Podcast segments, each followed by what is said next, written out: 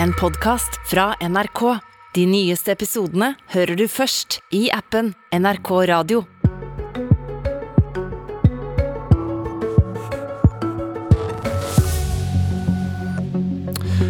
Hadle Bjuland vil endre KrFs abortpolitikk. Lederen for ungdomspartiet mener det har vært vanskelig å skjønne hva de mener om abort. For hør hva Kjell Ingolf Ropstad svarte da han var KrF-leder i fjor. Og spørsmålet han svarer på er KrF for selvbestemt abort? KrFs program sier at vi ønsker et nytt lovverk som i større grad anerkjenner nettopp barnets menneskeverd, og som i samtidig da ivaretar kvinnens trygghet og helse. Ja, var det dette Bjuland tenkte på? Velkommen til Politisk kvarter, Hadle Bjuland. Takk for det. Hvorfor mener du KrF må endre abortpolitikken? Altså Bakgrunnen for dette er jo mange grunner, men først og fremst fordi at KrFU skal ha landsmøte om to uker, der vi skal ta stilling til hva vi mener i abortpolitikken vår. Det diskuterer vi annethvert år og har diskutert det flere omganger. og Vi har landa ulike standpunkt på det før. Vi har vært for og mot selvbestemt abort før. Ehm, så er kanskje Det nye at jeg har landa på et annet standpunkt eh, fra min side. Eh, og Det gjorde valgte jeg å gå ut med nå i forkant av landsmøtet for å klargjøre delegatene for hvor jeg sto i denne saken. Og Det er to grunner for at jeg har landa der jeg har landa.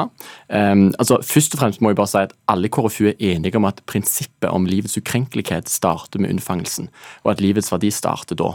Så Alle ønsker jo å få ned aborttallene på en best mulig måte. og Så handler det om hva slags virkemidler vi skal bruke for å få ned aborttallene. Og Det er da jeg har landa på at jeg ønsker å anerkjenne dagens abortlov, og heller eh, kjempe mot en utvidelse av dagens lov, der debatten nå står. Og Det er to grunner til det. Først og fremst opplever jeg at vi er veldig utydelige i hva egentlig KrF prøver å kommunisere i abortdebatten. Det handler om at eh, vi sier i dag at vi ønsker en ny lov som sikrer fosteret større rettsvern men vi kan ikke si hva det loven skal se ut. Vi tar egentlig ikke stilling til om vi er for eller mot selvbestemt abort. Eh, og Det gjør at når debatten var veldig aktuell i høst, som vi hørte utdraget her, så er det vanskelig for oss å gi et tydelig svar på hva slags alternativ vi hadde til dagens abortlov. Det gjør det veldig lett for andre å hevde at vi er for et totalforbud, noe vi ikke er. Eh, og Derfor så mener vi må vedta tydelige programformuleringer som gjør at det ikke er noe tvil om hvor vi står. Så var det veldig, sikkert veldig behagelig på landsmøtet å lande en sånn rund formulering, men vi må lande tydelige standpunkt. Det andre, bare for å si det andre andre som er veldig viktig for meg å få fram, det er at eh, Jeg tror ikke innskrenkende dagens abortlov er det mest effektive for å få ned aborttallene. Jeg tror det er forebyggende holdningsskapende arbeid. jeg ser resultater av i dag. Det er den politikken som har effekt for å få ned aborttallene, og da tror jeg det er der vi må legge inn kreftene. Men du er prinsipielt mot abort? Ja. Er det umoralsk? Ja. Hvorfor det? Jeg mener abort er galt, fordi jeg mener at abort starter med unnfangelsen. Det er et liv. Men jeg mener likevel at vi trenger et samfunn. Der trenger vi å regulere det på en eller annen måte uansett. Og da mener jeg at vi gjør det best gjennom dagens abortlov. Eh, og så står nå kampen med eh, Astrid og AUF som ønsker å utvide abortloven til uke 18. Der tre uker senere så kan, du, eh, kan fosteret reddes. Det mener jeg er en helt feil vei å gå i lovverket. Men jeg erkjenner likevel at i dagens samfunn så må vi regulere abort på en måte, fordi at alternativet er verre. Det var ikke noe samfunn å vise til der å stramme inn abortloven har vært, har vært vellykka. Eh, og Derfor så mener jeg at vi må regulere abort på en eller annen måte. og Derfor mener jeg at selvbestemmelse på tolv uker bør ligge fast. Eh, men jeg mener at paragraf 2c sorterer vekk på bakgrunn av egenskaper. Den må fjernes. Og jeg mener òg at vi må hindre en utvidelse av dagens abortlov. Men det du mener da prinsipielt er abortdrap? Jeg mener at abort er galt, og jeg mener at eh, jeg ønsker færrest mulig aborter. Det er jo det som er målet for denne politikken. Men er det drap? Jeg ønsker at Jeg mener at abort start, Livet starter med unnfangelsen. Ja, Hva vil du kalle det da? Jeg mener, det, jeg mener at abort er moralsk galt. Jeg mener det er å ta liv. Det er, et, det er å ta liv. Det, ja. Men jeg mener at det, det er så viktig det er at vi må ha en abortpolitikk som fungerer i dagens samfunn. Og jeg erkjenner at det er et kjempedilemma. Fordi det handler om kvinners situasjon, og det handler om fosterets rettsvern. Og det mener jeg i dagens abortlov. Det, det i størst grad ivaretar eh, fosteret Nei, ivaretar eh, den politiske situasjonen på en best mulig måte, og abort må reguleres på en eller annen måte. Men når du da mener at et foster er et menneske med et, en ukrenkelig verdi fra dag én, hvordan kan du akseptere en lov som tillater abort til uke tolv, med troverdighet? Fordi at jeg mener at Vi må erkjenne at prinsipielt så legger vi til grunn at menneskelivet det starter fra unnfangelsen. Men så må vi i vår praktiske politikk Hva vil det bety i praksis? Jo, Det vil bety at vi skal få ned aborttallene på en mest mulig effektiv måte. Men du, du, er da helt uinteressert i kvinnens rett til å bestemme over egen kropp? Forslaget er egentlig ren taktikk? Nei, det er det ikke. Fordi jeg sier at Vi er nødt til å regulere det på en eller annen måte. For jeg mener at det, det er det, Dagens abortlov den vektlegger kvinners situasjon og fosterets rettsvern. Og Så kan du være enig eller uenig hvorvidt det, om, hvorvidt det er et godt eller dårlig kompromiss. Men jeg mener at vi må stå fast på dagens lov. Men for jeg mener mener Det er den beste utgangspunktet både for kvinner og for fosterets rettsvern. Men hvordan vet du at ikke en abortgrense i uke åtte f.eks. ville ført til færre aborter? Altså Det som jeg har sagt, det er at det vi, vet, det vi vet i dag, det er at vi har hatt den abortloven i 50 år. Vi vet at Bakgrunnen for det er fordi at vi har vært, enige. altså Vi har hatt et politisk flertall som har stått bak den loven for å sikre nettopp kvinners situasjon, men òg ivaretatt fosterets rettsvern. Jeg mener at for I, i mitt, mitt syn så er abort i uke 9 eller uke 10 like ille som i uke 12. Men jeg mener at vi må ha et lovverk, og da handler det om et kompromiss. Ja, men hvis, hvis, hvis du sier du er Og pragmatisk, da så Jeg er ærlig på at jeg er pragmatisk i dette spørsmålet. og Det er jo helt åpenbart, fordi det handler om å vektlegge ulike syn. fordi at det, det, er, det vil være en grenseoppgang både mellom fosterets rettsvern og kvinners situasjon. og Det er da jeg sier at det kompromisset det finner du i uke tolv. Og, og det er der jeg legger Og så handler nå kampen om at du har flere partier i Stortinget som ønsker å utvide abortloven. Det er der kampen nå står. Ok, men, og da eh, handler det for oss som politisk parti om at alternativet er verre, og da handler det om å lande på uke tolv. Hvis vi forfølger den tanken, og stortingsflertallet endrer abortloven at det blir utvida til uke 18, hva sier du da? Skal KrF eh, ha det som et nytt gulv og kjempe mot ytterligere liberaliseringer og godta abort inntil uke 18? Nei, da mener jeg vi skal stå fast på uke tolv. For jeg mener at det er vi må Men hvis det er flertall, det er argumentet ditt for at det er umulig å gjøre noe med, hvorfor ikke uke 8? Nei, for jeg sier at vi må befinne oss i den politiske situasjonen vi befinner oss i. Altså, Vi mener, legger til grunn at livet starter med unnfangelsen. Men så skal vi si, hva er vår praktiske politikk? Jo, i dag så har vi en abortlov som sier at vi har, som gir kvinner selvbestemmelse til uke tolv. Jeg mener det er det beste utgangspunktet, for vi må regulere abort på en eller annen måte. For alternativet er verre. Men hvis du er mot abort fra dag én, og da flertallet flytter det til uke 18, hva gjør dere da? Så, så vil vi si at eh, vi Uke står 12 er greit? Ja, vi står på uke 12, for vi mener at det handler om å ivareta kvinners situasjon samtidig som fosterets rettsvern. Og det er det kompromisset. Og da vil du ikke finne sånn altså, det eller det uketallet. Det er et kjempedilemma. Det er en grunn for at KrF alltid syns det var vanskelig å lande på ulike spørsmål, lande på konkret politikk på disse spørsmålene. For det handler om å ivareta den, den situasjonen, for det er ulike parter som skal hensynstas når det lovverket skal utformes. Eh, Og det er derfor vi lander der vi lander. Leder i AUF, Astrid Hoem. Var dette oppklarende? For det første så vil jeg jo si at jeg er grunnleggende uenig i det Hadle og KrFU sier om at eh, abort er umoralsk. Jeg mener enten om det er et enkelt eller vanskelig valg, så skal det være kvinna sitt valg, og det er ikke et umoralsk valg å gjennomføre.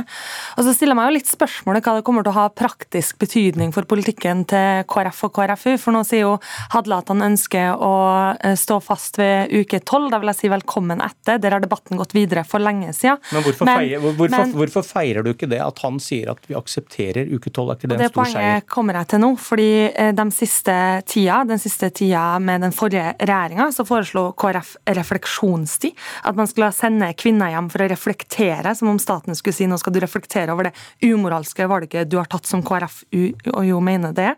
Du, eh, de ville fjerne 2C, som ville gjøre det vanskeligere for kvinner i en allerede veldig vanskelig situasjon. De ville eh, innføre reservasjonsrett fra leger, sånn at du kunne oppleve å komme på et legekontor og si at nei, vi vil ikke henvise deg til abort, og kanskje i en vanskelig livssituasjon blir satt i en enda vanskeligere situasjon.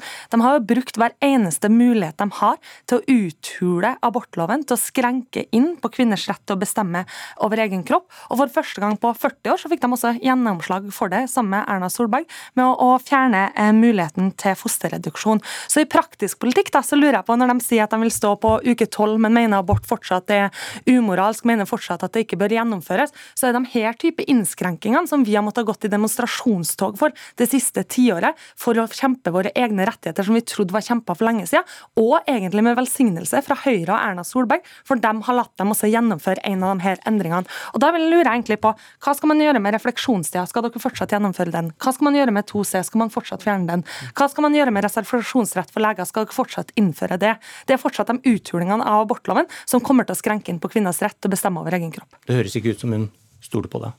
Nei, altså, først og fremst må jeg bare si at Det, det som vi hører gang etter gang etter gang, det er at eh, venstresida beskylder KrF for at abortloven kom i spill i 2018. Men det dere må være klar over, det er at utvidelse av abortloven det tok SV til orde for allerede i 2005. Altså, AUF signaliserte før 2018 at de ønska å utvide abortloven til uke 18. Altså, Det var allerede en debatt i partiene om å utvide abortloven. Så dere må stå selv for deres politikk om dere ønsker å utvide abortloven. Og så skal stå med for vår politikk om at vi ønsker å ivareta både fosterets rettsvern og kvinners situasjon. Og så mener jeg at den politiske situasjonen er sånn nå at vi må sørge for hvordan skal vi få ned aborttallet. Når du Astrid, du hele veien tøyer strikken lenger og lenger og lenger. Nå vil du utvide til uke 18. Det vil bety at fosteret vil ha null rettsvern tre uker fra grensa til hvor livet kan reddes eller ikke. Det mener jeg er galt. Da mener jeg vi må ha eh, både eh, verne om dagens selvbestemmelse, men ikke minst skulle gjerne sett at du heller var med meg på debatten om hvordan vi skal få ned aborttallene.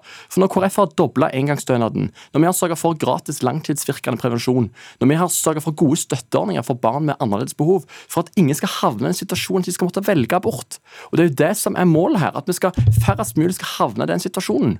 Og Den debatten skulle jeg heller ønske du var med på meg på, Astrid, enn hele og tøye strikken for å utvide lovverket. Fordi abort handler om to liv, og den erkjennelsen den har vi. og Den skulle gjerne sett at dere òg ville være med på for å få ned aborttallene. Jeg står helt støtt i AUF sin politikk om at vi vil fjerne nemndene. Jeg mener at i 2022 så hører det ikke hjemme at kvinner må forklare sitt valg, ofte til menn, der man kan ha ulikt resultat i Agder og i Tromsø. Det å fjerne nemndene det mener jeg er riktig skritt i 2022. Men Hadle svarer jo ikke på spørsmålet mitt. Vil de fortsatt uh, innføre refleksjonstid? Vil de fortsatt fjerne 2C? Vil de fortsatt innføre reservasjonsrett for leger? Det er jo de her type forslag som har gjort at man har vært med på å innskrenke muligheten uh, for abort for kvinner, og det som resulterte i at KrF også fikk gjennomslag i den forrige regjeringa for å fjerne muligheten for fosterreduksjon. Det er jo reelle innskrenkinger som jeg er ordentlig bekymra for, fordi vi har sett at KrF har fått makt over abortpolitikken før. Og Da må man også svare på hva ønsker man å gjøre med det i dag. Ja, jeg kan godt svare på det. Altså, selvfølgelig, Vi kommer til å kjempe for reservasjonsretten for leger. Vi kommer til å kjempe for paragraf 2c. Det sa jeg jo innledningsvis var en viktig sak for oss. fordi Jeg mener ikke det er riktig å ha et lovverk som åpner for sortering av barn og foster på bakgrunn av egenskaper. Det vil si at et Lovverket i dag sier egentlig at noen eh, diagnoser gjør det mer akseptert å ta abort enn andre. Og Det mener jeg er etisk problematisk, og jeg vil heller at det skal nemndbehandles. Eh, HM, dere vil altså utvide retten til fri abort til uke 18. Hvorfor ikke uke 22? Hvorfor ha en grense, hvis dere vil at kvinner skal få bestemme over egen kropp? Vi har sagt at vi mener at å fjerne nemnden til uke 18 ville ha vært uproblematisk uten å gjøre ganske raskt, men nå er det også satt ned en utredning som skal skje på hele abortloven. Da mener jeg også at det er naturlig at de ser på fram til uke 22 og hva man gjør mellom uke 18 og 22 med de nemndene. Og det tror jeg er første gang man har en grundig gjennomgang også, det man ser på hele abortloven, og ikke bare endre den, sånn som KrF gjorde, KrF gjorde over natta med Høyre og Erna Solberg. Men uh, hvorfor uke 22? Hvorfor ikke gå enda lenger? Altså, nå skal det abortutvalget skje på hele abortloven, og da mener jeg at vi får oppdatert og grundig gjennomgang av abortloven i 2022. Og så mener jeg at eh, det første man må gjøre, er å fjerne nemnden, og så må man også se hva man skal gjøre med nemnden etter uke 18. Hvor vil det føre oss, Bjørland? Nei, altså, jeg mener at I dag så vet vi mye mer om fosterets utvikling enn vi gjorde for 20 år siden eller 30 år siden. Vi har en helt annen situasjon. Vi kan redde liv òg enda tidligere. Nå er det vel 22 uker eller 21, 21 uker og 6 dager du har kunnet redde liv helt ned til. og ingenting til, altså Alt tilsier jo for at vi kan redde liv bare tidligere og tidligere med den teknologiske utviklingen. Og Derfor er det enda mer skremmende når vi har partier i dag som bare ønsker å trekke det lovverket uten å stille noen etiske vurderinger bak de vurderingene de tar. Men at det virker som det er kun noen hensyn de tar, der vi erkjenner at det handler om to liv, og de to livene må vektlegges når sånn et lovverk skal utformes. For det handler om alvorlige spørsmål, og da må vi kunne ta den debatten. Og Det er derfor jeg blir bekymret når jeg hører Astrid eh, hele veien snakke om å tøye strikken uten å stille noen spørsmål bak. Og så er det det andre, og det er når, når hun snakker om å fjerne nemndene, så handler det òg om at du fjerner også da et apparat som står rundt kvinner som skal ta en veldig vanskelig beslutning. Kan, altså, Nemndene har ulike funksjoner, men det handler om et bredt utvalg med ulike folk, med ulike fagfolk, som også skal være der for både å rådgi og gi kvinner et bedre grunnlag til å kunne ta et valg.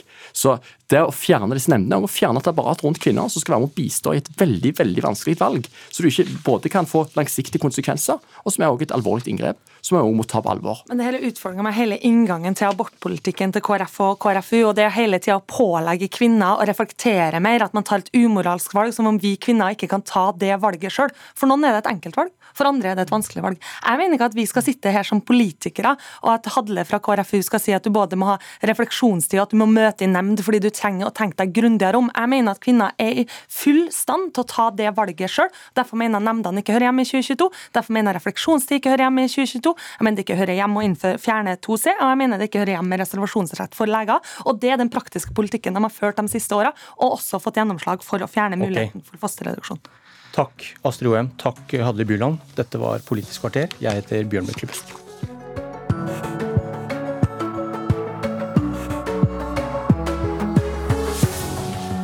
Du har hørt en podkast fra NRK. De nyeste episodene hører du først i appen NRK Radio.